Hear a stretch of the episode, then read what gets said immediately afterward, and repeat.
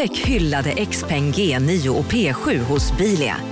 Våra produktspecialister hjälper dig att hitta rätt modell för just dig. Boka din provkörning på bilia.se xpeng redan idag. Välkommen till Bilia, din specialist på XPeng. Hej, Synoptik här.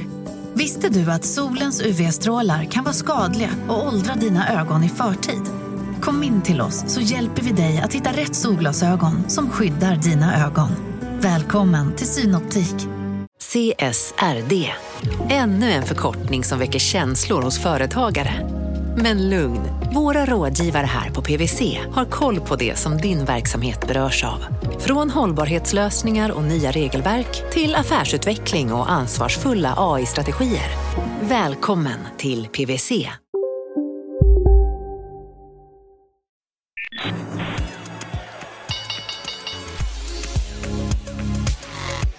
Här är Affärsvärlden med Helene Rådstein.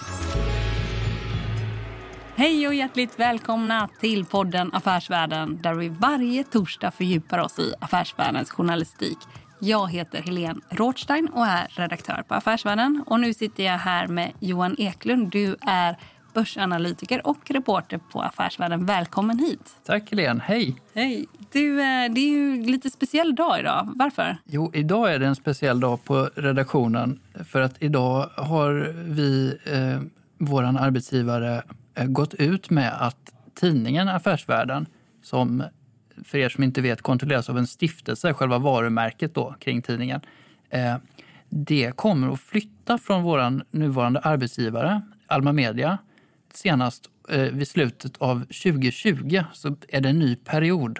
Och då är det helt enkelt så att ekonomijournalisten och då medieentreprenören Peter Bensons företag eh, Börsplus har eh, vunnit rätten att få fortsätta därefter. För oss så känns det som ganska goda nyheter. Eh, men vi, vi, säger ingenting om nuvarande ägare. Det är jättebra. Men personligen, det här är ju liksom, eh, ja, min åsikt, så att säga, så känns det väldigt... Det finns så speciella, har det visat sig, medieköpare där ute. Och jag orkar inte namnge någon här, men liksom, så har det ju verkligen varit. Som också syns i media, kan man säga, i breda media.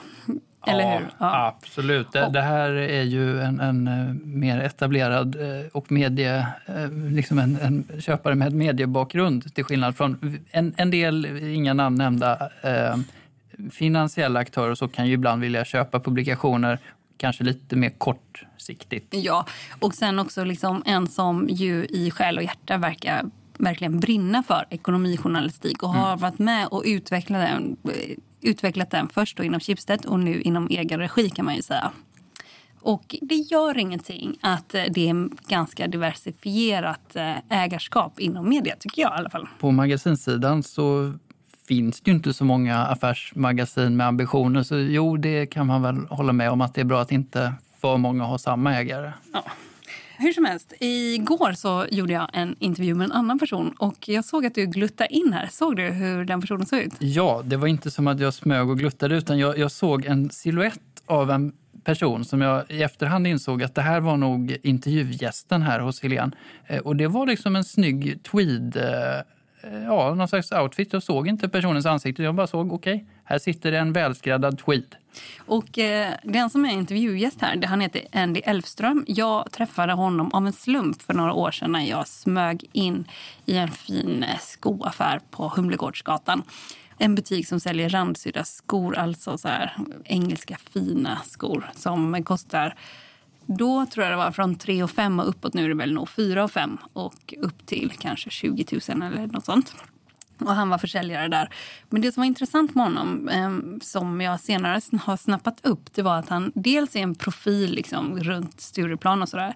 Och det är han för att han under flera decennier har dressat eliten i den liksom svenska eliten. Från, det, från kungligheter till eh, liksom vd. Alltså, you name it. Jag råkar veta några, men jag vet inte om man får säga det. Men liksom alla ungefär som har haft en maktposition. Och eh, det är inte bara med skorna då, utan det är, eh, han har långt förflutet inom modevärlden.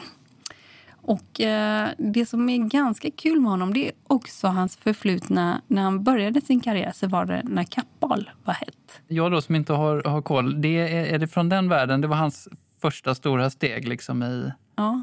Och han var med när man Kappahl slog upp dörrarna sen i Gävle, Eskilstuna. Ja, jag, jag minns ju den här eh, i något sammanhang. Eh, Göteborgsförorten Mölndal finns ett svartvitt foto när eh, liksom, hemmafruarna står på rad nere i någon liten sån här källare och det finns pälsar där eller vad det är. Och då ska de köpa detta. Jag vet inte, kommer Kappahl där? De kommer från Mölndal från början va? Ja, ja, det är ungefär 60 år sedan i källarlokalen. Ja, för det är verkligen, då, då, då står de på rad och den här eh, Al eller vad han heter, han står där liksom käckt, verkligen så här amerikansk eh, sälj. Per-Olof. Per-Olof, ja. precis. Det är en sån här riktig, liksom ikoniskt eh, foto på någon slags sån här ja, men medelklass ändå som växer fram. Ja, det är det ju faktiskt. Alltså, och också liksom den affärsmodellen. Alltså att medelklassen kan bli så här snyggt dressad ungefär. Ja, köpa päls. Och, eh, så det går vi in och pratar om. Och det blir ju lite aktuellt nu när eh, Mellby Gård har lagt bud på Kappahl, alltså Rune Anderssons eh, det är ju hans son Johan Andersson som är vd där nu. Ja, det är ju ett stort familjekonglomerat eller vad vi ska kalla det de har byggt upp. Där, där är vi ju genast mer kanske i våran det vi brukar skriva om och, och bevaka vecka till vecka här på, mm. på Affärsvärlden. Mm. Men jo, det är ett jätteintressant uh, bud. Det har ju mm. varit en del bud nu på slutet. Det här är ju sånt där, där där de köper verkligen någonting som placerarna har tappat tron på. Mm, jo, verkligen. Och då, då och, gå in och, och helt enkelt köpa ut resten. Det, ja. Det är jättespännande. Och de är ju som du säger, det är ett konglomerat. De, har ju liksom, de är verksamma in, inom industrin och de är verksamma inom tjänstesektorn, lantbruk, bygg. Och sen har de också liksom en hel del inom detaljhandel. Och inte minst har de något där som heter Lund, tror jag, Fashion med mm. D. Axelsson och Flash. Och ja. sen eh, har de också Kappahl som de väl ska lägga in i det Lund Fashion kan man tänka sig. Jag är inte bekant med detalj, de detaljerade planerna men Kappahl är en betydligt större pjäs än de här andra. Så ja. där har du säkert eh, en del synergier om du, skulle, om du skulle vilja. Ja, men det blir intressant att följa hur det går. Men nu så ska vi lyssna på intervjun med Andy Elfström om hur dåliga män framför allt är på att klä sig numera. Inte minst de som är verksamma inom näringslivet. Framför allt vänder han sig mot män som visar stjärten, som man kallar det för. Intervjun med Andy Elfström den kommer här. Marknaden sponsras av SPP, pensionsbolaget. Eh, förra gången pratade vi lite om ITP. Och som en kort repetition så, så var det ju 70-tal, arbetsmarknadens parter bestämde att alla tjänstemän ska ha en tjänstepension. Man kom överens om vilka villkor som ska gälla i den här pensionen och så kallade man den för ITP. Så jobbar man idag som tjänsteman i ett företag med kollektivavtal, då har man förmodligen den här pensionen, ITP-pensionen. Eh, och det är ju så att man kan påverka eh, den här pensionen, hur den är placerad. Vart femte år så gör nämligen Collectum, som de heter, en enorm upphandling där olika pensionsbolag kan ansöka om att få förvalta eh, de här pensionerna. Och SPP är ett av bolagen som valdes ut i den senaste upphandlingen. Och sen kan du som pensionssparare välja eh, vilket av de här olika pensionsbolagen som, som då ska få ta hand om dina pengar. Och tanken med den här upphandlingen är ju att liksom kvalitetssäkra de här olika alternativen eh, men också att förhandla fram stora rabatter så att pensionsspararna ska få ja, kunna spara pengar genom att avgifterna eh, som är så viktiga eh, blir eh, lägre. Och vill man välja någonting i ITP-systemet då finns det en relativt ny sajt som heter avtalat.se. Ehm, där kan man gå in och se hur sin ITP-pension är placerad. Jag gjorde det häromdagen faktiskt. Ehm, idén är att hälften av pengarna alltid ligger i något som kallas för traditionell försäkring. Det här gjorde vi ett avsnitt om i podden Kapitalet nyligen eh, som vi kallade världens bästa sparform. kan man lyssna på om man är intresserad. Eh, den andra halvan eh, den kan man också lägga i en traditionell försäkring eller så kan man placera det i något som kallas för fondförsäkring. Eh, SPP som sagt eh, var ju ett av de fåtal bolagen som valdes ut i den senaste upphandlingen och de finns med som alternativ både med en traditionell försäkring och med eh, fonder.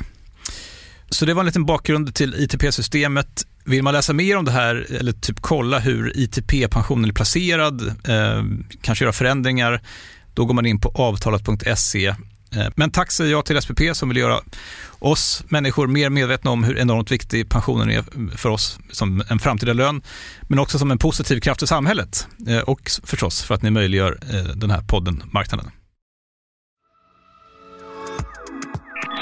Du lyssnar på Affärsvärlden Magasin med Helene Rådstein.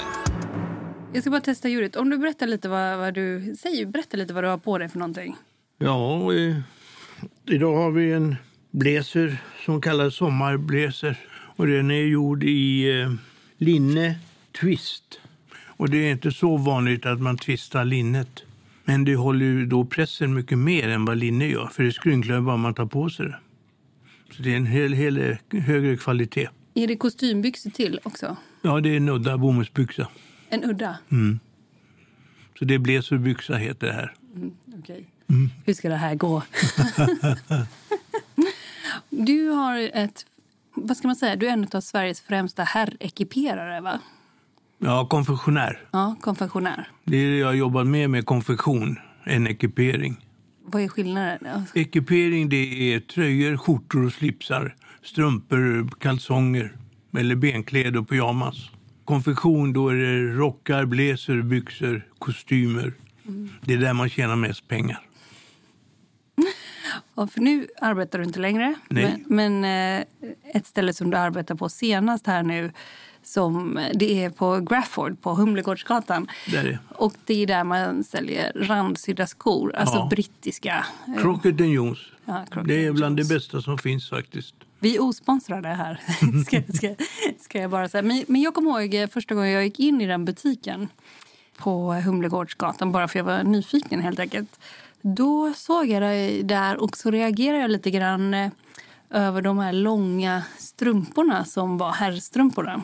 Ja, Och så sa jag, oj, det var, vad långa de är, för de var väl upp till knäna. ja. Och eh, då så sa du, gick du liksom nästan som till attack direkt. ja. Så sa du, det är väl inte vackert när man ser håriga herrben sticka fram liksom från, mellan kostymbyxa och sko, ungefär sådär. ja. Och jag svarar, det gör väl inte så mycket, så ser herrben ut. Jo, men de flesta eh, kvinnor tycker inte om att se det om man lägger upp benet över låret till exempel och ser det, det där. Det är, eller en ful strumpa som inte räcker till och ligger nedkavlad. Det, det är inte snyggt. När vi talades vid senare, för jag gjorde sen en intervju med dig, för jag tyckte det var ganska intressant när du var så sträng också med kläderna. Du hade en ganska sträng stil där i affären också, eller har du inte det? Nej, det har jag inte. Men, Nej. men jag, jag, jag vet vad jag kan och jag vet vad jag vill. För eh, du köper bara skräddarsytt. Ja, de sista 20 åren har jag gjort det. Eh, om, man, om man ska vara riktigt ärlig och eh, de här eh, barnen som syr kläder får ingenting betalt. Utan det är en agent som gör detta.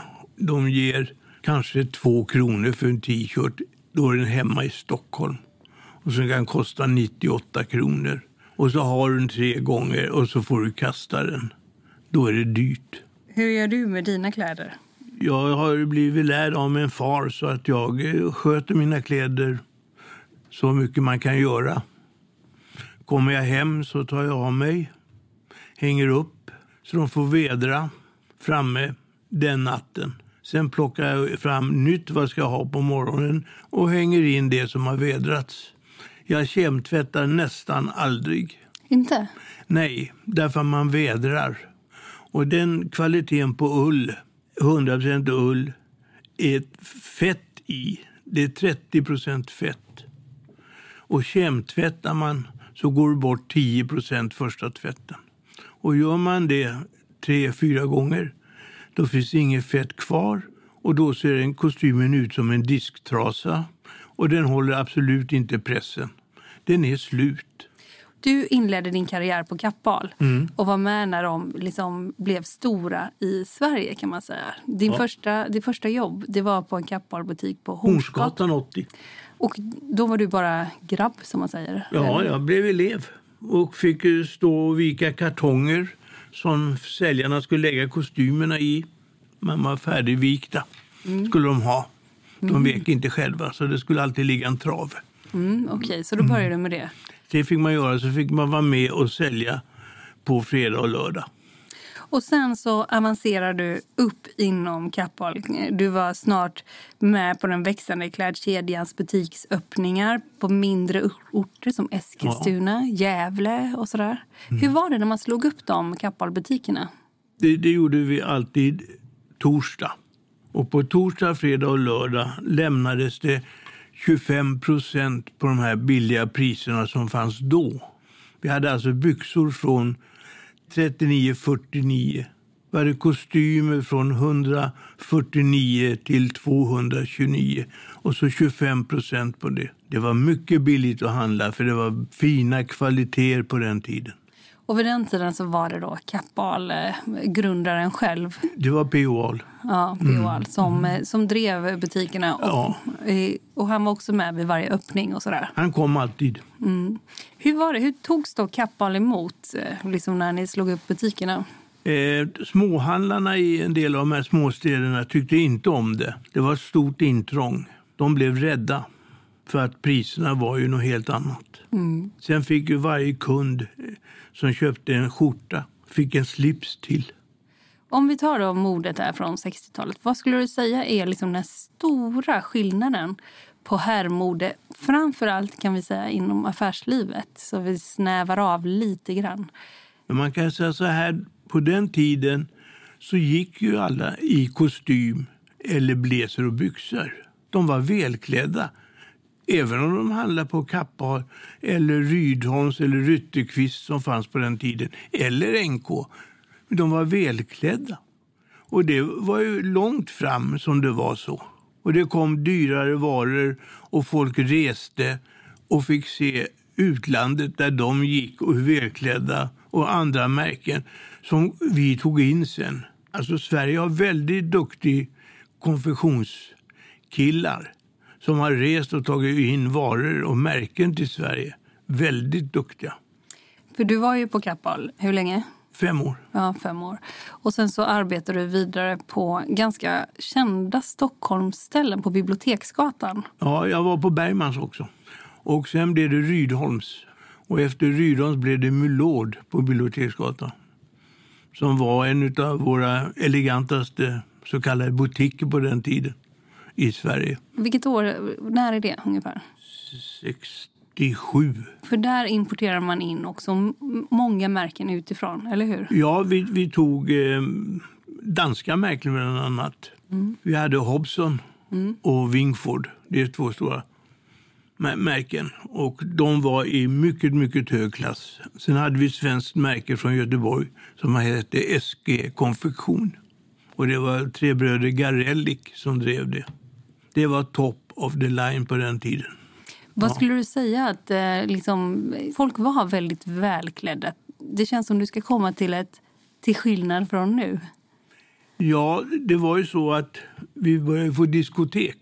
Vi hade nattklubbar och då kom man inte in om man hade jeans, manchesterbyxor. Det var kostym eller blazerbyxor.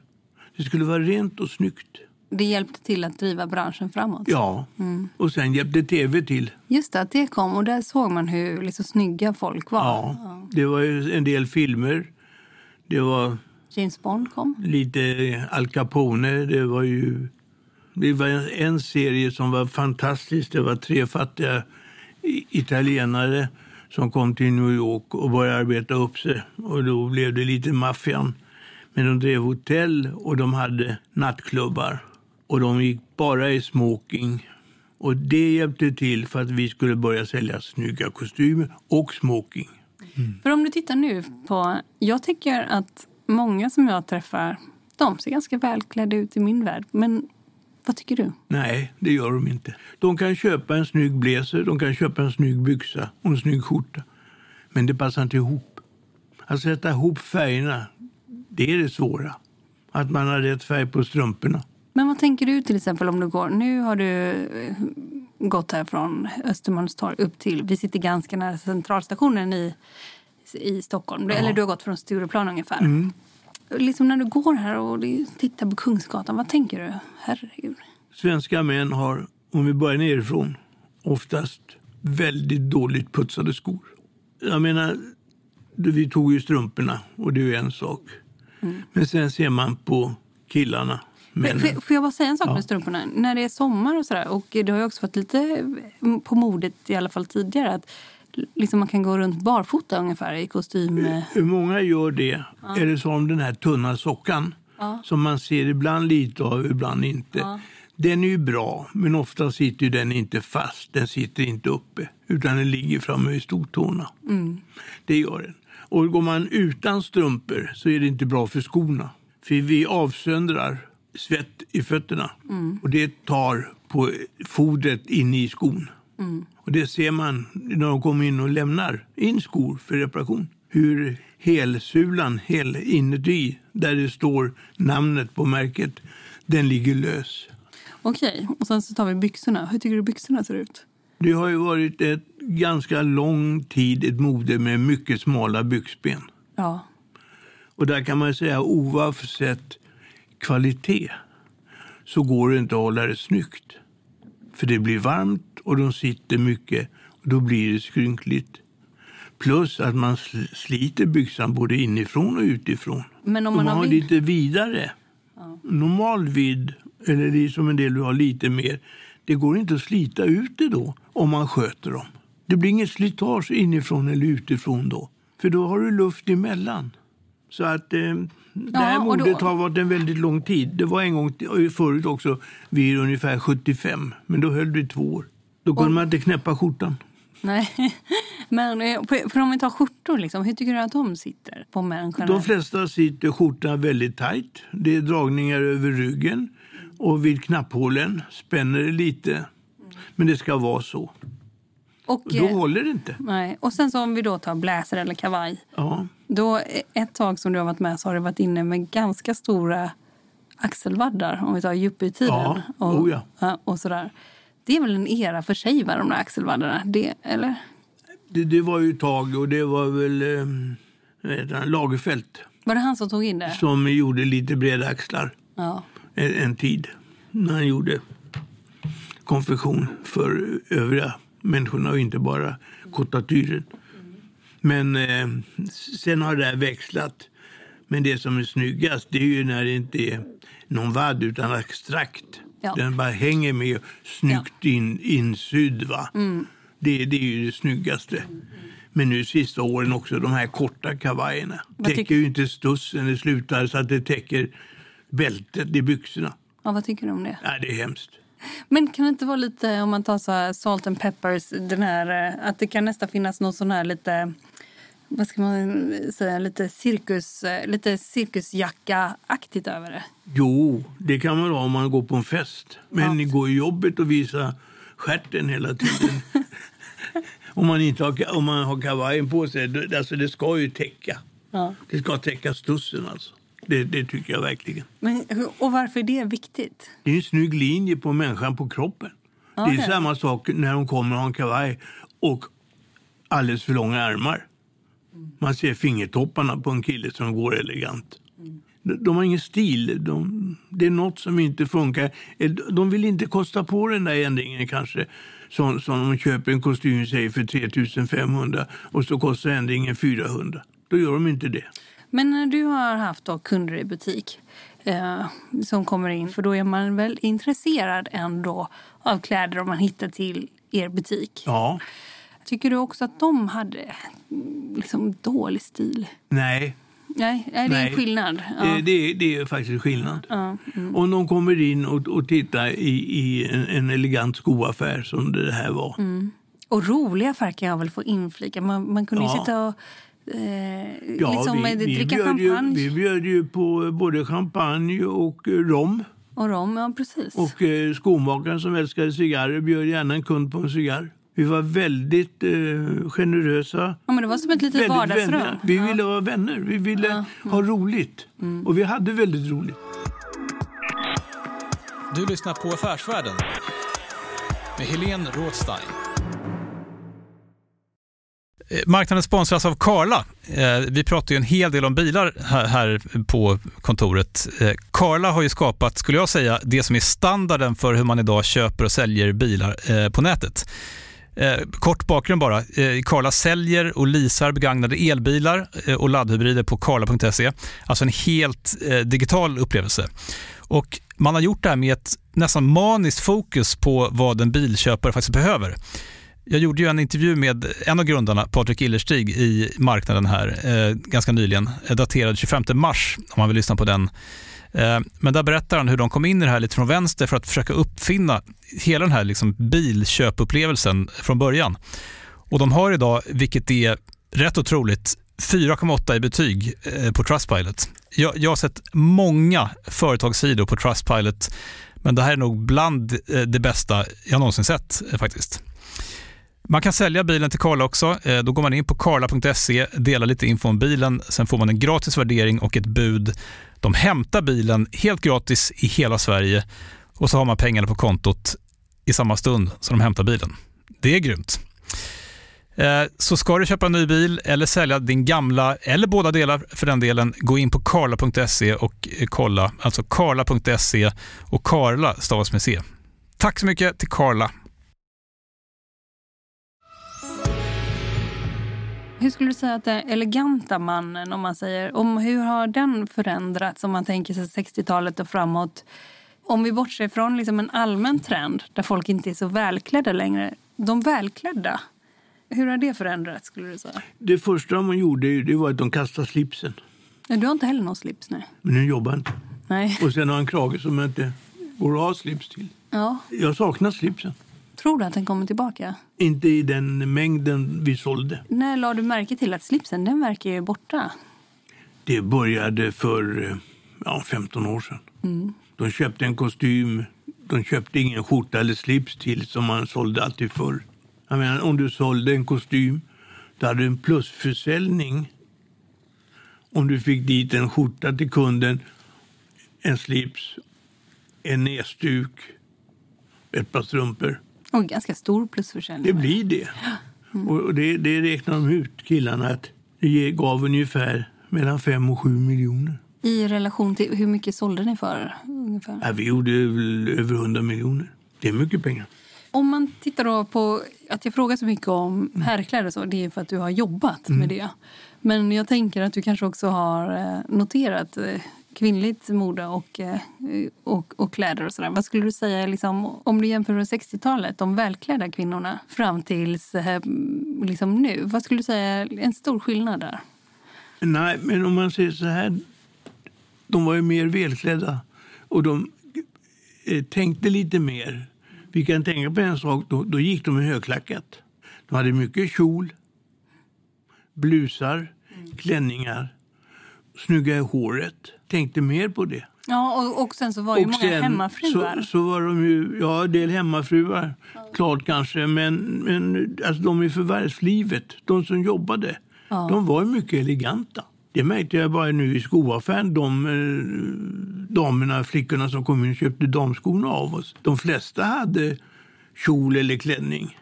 Några hade lite eleganta byxor som skulle passa till. Men det har ju varit olika längder och så på kjolarna också. Mm. Tycker du, liksom, du som jobbar med så här klassisk elegant stil, finns det också något sådär, det har ju varit väldigt korta kjolar ett tag på 80-talet och sådär. Tänkte du att det där var bra för att det var kul? Eller kände du att det där är inte riktigt elegant? Nej, det, där går vi in nu på, på hur kvinnan ser ut, ja. kanske. Ja. Men är man normalt smal, snygg, så gör det ju ingenting om kjolen är 10 centimeter över knät än att den är, täcker knät. Men... Jag, jag tittade på eh, TV4 igår och visade vädret. Ja. Hon har en kjol på sig precis som täcker hennes knä. Och i morse hade hon snygga långbyxor på sig. Mm. Hon får en helt annat lår, hon får ett helt annat ben. Mycket snyggare hon står där än den där fyrkantiga kjolen. Ja, lite fyrkantigt ja. Det, det är inte snyggt mm. när en flicka har snygga linjer. Sen oavsett snygga linjer och vad hon väger så kan ju kvinnan vara snygg och ha... Mm. Ja. Om du nu blickar framåt lite grann, liksom, vad kan du tänka, var är vi på väg med eh, herrmode och liksom om vi tar klassiskt? Jag önskar ju att, att det gick tillbaka lite med lite vidare fotvidd. lite längre kavajer, gärna figursydda, lite strama axlar. Det tycker jag, det skulle vara jättesnyggt. Men vi, Sverige är starka och vi, vi är duktiga och vi, vi har mycket eget mode som inte finns i Italien eller Frankrike eller England.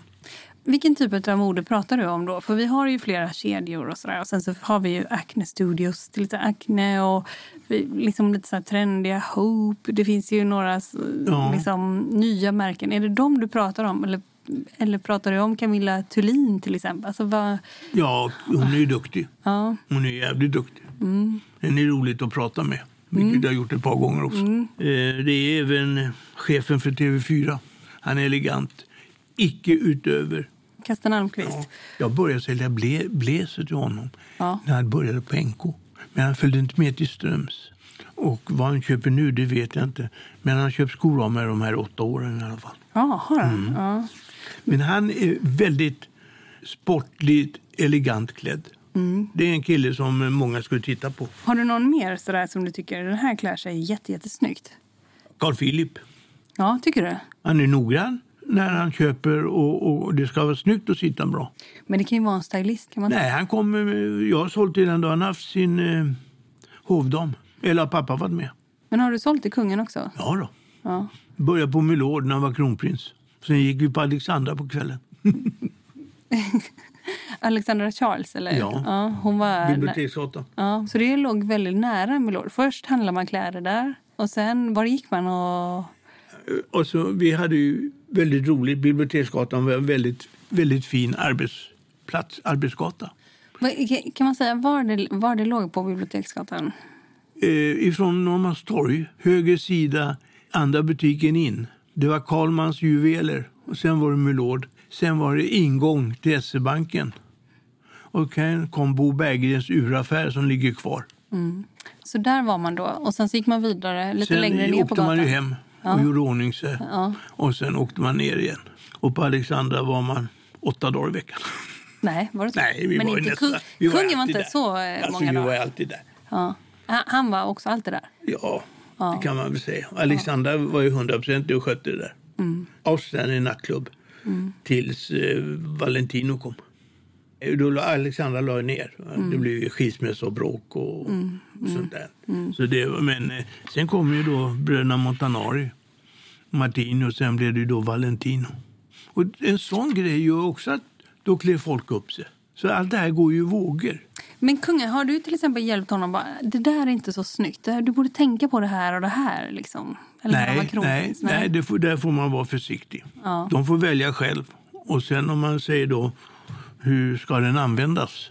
Då kan man säga att det här är inte lämpligt för det. Kommer du ihåg något sånt tillfälle? Och vad var det? Han skulle ha några byxor. Och eh, jag kommer inte ihåg riktigt nu, för det här var på Milord. Men jag sa att de, de, de håller inte. De skulle rida. Ja. ja. Han tyckte om dem, men det gick inte att rida i. Och det var av någon linne, vad jag kan tänka mig. Men hur känns det då när man har ekiperat sådär eliten och sådär? Mm. Så jag kan tänka mig att uh, man är van vid mycket service, man är van, liksom, man rör sig med eliten och sådär. Men du, man jobbar ju i butik, liksom som du ja. har gjort. Hur har liksom den skillnaden känts? Ja, men det, man, det, får man inte ta till sig. Utan alla är lika, mm. värda. Mm. Alla får samma service. Är det så? Ja, jag har varit sån. Mm. Och det vet jag att många har kanske blivit lite arga på mig. Men eh, jag har till och med sagt till en del, du får vänta. Ja. Kommer du ihåg någon som blev irriterad och gick ut? Ja, han var tv-kille. Jag vill inte säga något mer. Han blev väldigt arg för att det tog honom före. Men det är ingenting man har... För då har du liksom på ett sätt man har tillhört ett, ett etablissemang. Och man, har du varit med i etablissemanget? Känns det, Lite eller? grann. Jag har aldrig sökt mig dit. Utan det har blivit så. Att tack vare mitt arbete. Så, så om, om eh, vi säger... Vi satt på Alexandra då och så hade några stjärnor ett runt bord där uppe. Mm. Då kunde de ro, ropa och kalla mig för kalsonghandlaren kom hit. Ja, hur var det då? Ja, ja vad fan gick jag dit och då bjöd de mig på drinka och satt jag den kvällen med dem. Ja. De var jätteglada. De var glada. De hade fått beröm mm. för sin klädsel. Ja. för, för, för, det, för det som jag tänkte på själv. Du är själv uppvuxen på Södermalm och din pappa arbetade... Inom på, restaurangbranschen. Ja, På Amerikalinjen? va? Ja, Ja. Kungsholm och Gripsholm. Mm. Första hovmästare. Och eh, när du sa att du ville ha jeans, när jeans kom till stan, vilket år är vi då på? 50, 55, 56. Då kom eh, Lee Jeans. Och då sa pappa och tittade på mig upp från och ner. Det har amerikanska hamnarbetare och det är inte du. Nej. Så fick jag ett par flanellbrallor som kostar tre vad jeansen kostar. Men har du, äger du ett par jeans idag? Nej. Nej. Men har du ägt ett par jeans? Ja, jag fick faktiskt två par jeans av eh, Jan Eriksson på NK. Armani? Ett par Armani och två Boss Ja. fick jag. Det var en kund som hade köpt de här och använt dem en gång och tvättat dem. Och de färgade. Han blev vansinnig. Och jeans färgar. Första tvätten, andra tvätten, många tvättar. Då kommer Janne till mig och sa en, jag har ett par jeans till dig här. Jag tror tre par. Du, du får dem. Så berättade han där om kunden. Jag tror de hängde tio år i garderoben innan jag kastade dem. Men har, du använder dem någon gång eller? Nej, ja, Armani-jeansen. Mm, När var det då? När jag putsade båten. Tack så mycket, Andy Elfström, för att du kom hit. Tack. Du har lyssnat på en podd från Affärsvärlden. Jag heter Helene Rothstein och är redaktör på Affärsvärlden. Mer fördjupande journalistik om näringslivet finns både på nätet och i Sveriges äldsta och faktiskt bästa affärsmagasin. Du hittar oss enklast på affärsvärlden.se och podden den är tillbaka om en vecka. Håll ut!